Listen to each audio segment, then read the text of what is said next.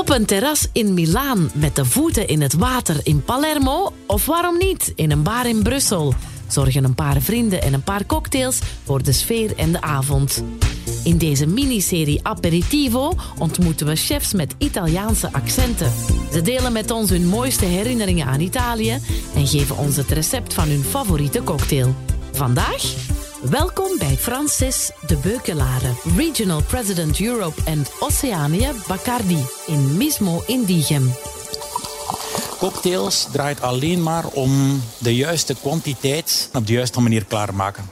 En alles dat eigenlijk uh, daarvan varieert. Hè. Typische verhaal hier in België is van kan je mij ietsje meer alcohol toevoegen? Dat is absoluut niet nodig. Dus uh, het gaat om proporties, juiste glas, juist klaargemaakt en that's it. Dus het is eigenlijk een stukje ja, meer wetenschappelijk. We zijn een familiebedrijf, bestaan sinds 1862. En het is altijd een zeer gedecentraliseerd bedrijf geweest. In de zin van, um, we pikken trends op op de markt. Uh, en dan gaan er dan zoveel kwartieren worden die uitgerold. In onze, in onze business, zal ik maar zeggen, is er een stukje echt business en inzicht, maar er is ook een stukje kunst. En een stukje kunst is identificeren op het juiste ogenblik wanneer um, dat een bepaalde trend eigenlijk begint uit te rollen. En er is een stukje kunst.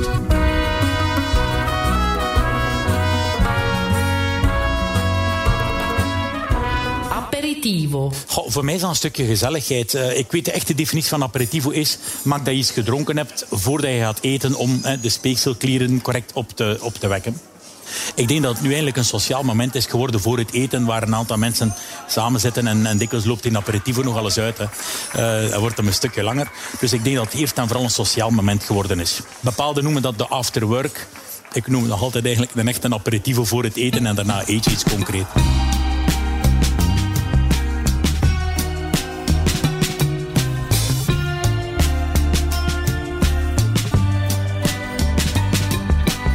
Allergrootste trends op één drank is tequila voor het ogenblik. Komt uit Amerika, is de hele wereld aan het veroveren. Agave is ja, super hot. Dus uh, ons merkpatroon natuurlijk is voor ons een zeer belangrijke en de grootste. Maar ondertussen ziet je dat er een proliferatie is van, uh, van tequila's overal. Niet alleen wit, maar ook in uh, Reposado en in Añejo. Dus de eerste grote trend zou ik zeggen.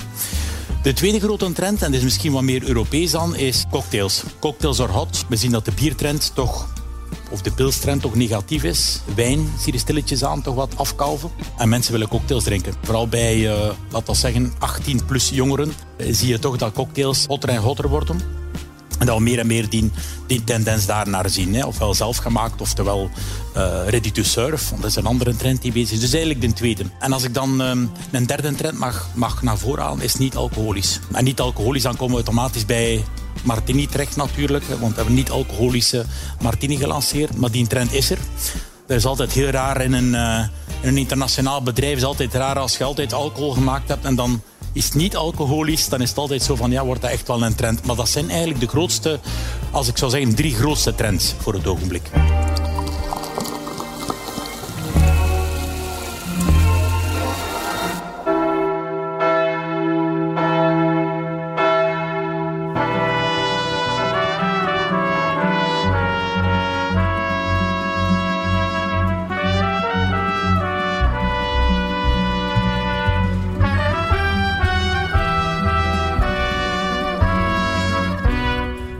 Aperitiefcultuur, als ik een mag uitpikken, is voor mij Noord-Spanje. Bilbao, San Sebastian.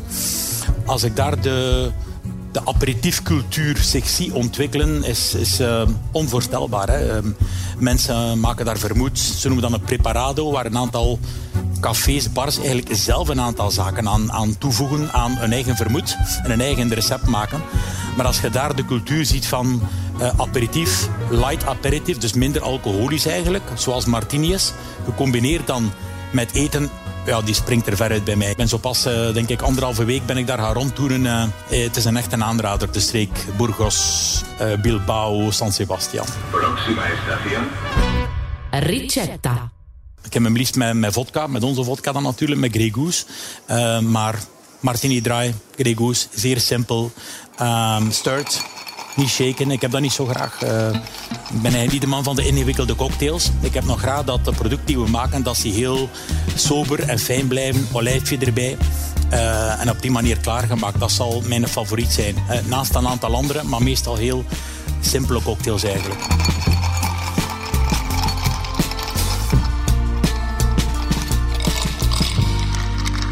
Marketing, denken ze ons allemaal, dat is allemaal gebaseerd op de juiste insights, met de juiste studies erachter.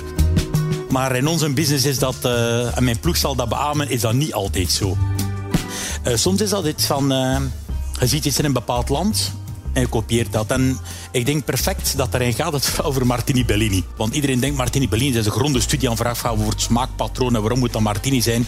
Maar dat is eigenlijk helemaal niet gebeurd. Dus sorry voor alle marketeers die meeluisteren. Um, dat het misschien wat minder wetenschappelijk is. Maar eigenlijk, de Martini Bellini is eigenlijk geboren uh, op het terras van, uh, van de Splendido in Portofino.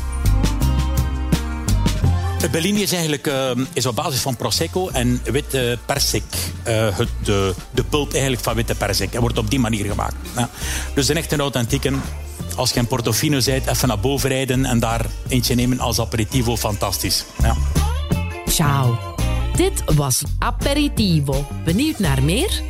Luister dan zeker naar de andere afleveringen in deze reeks. Deze podcast werd u aangeboden door Bacardi Martini.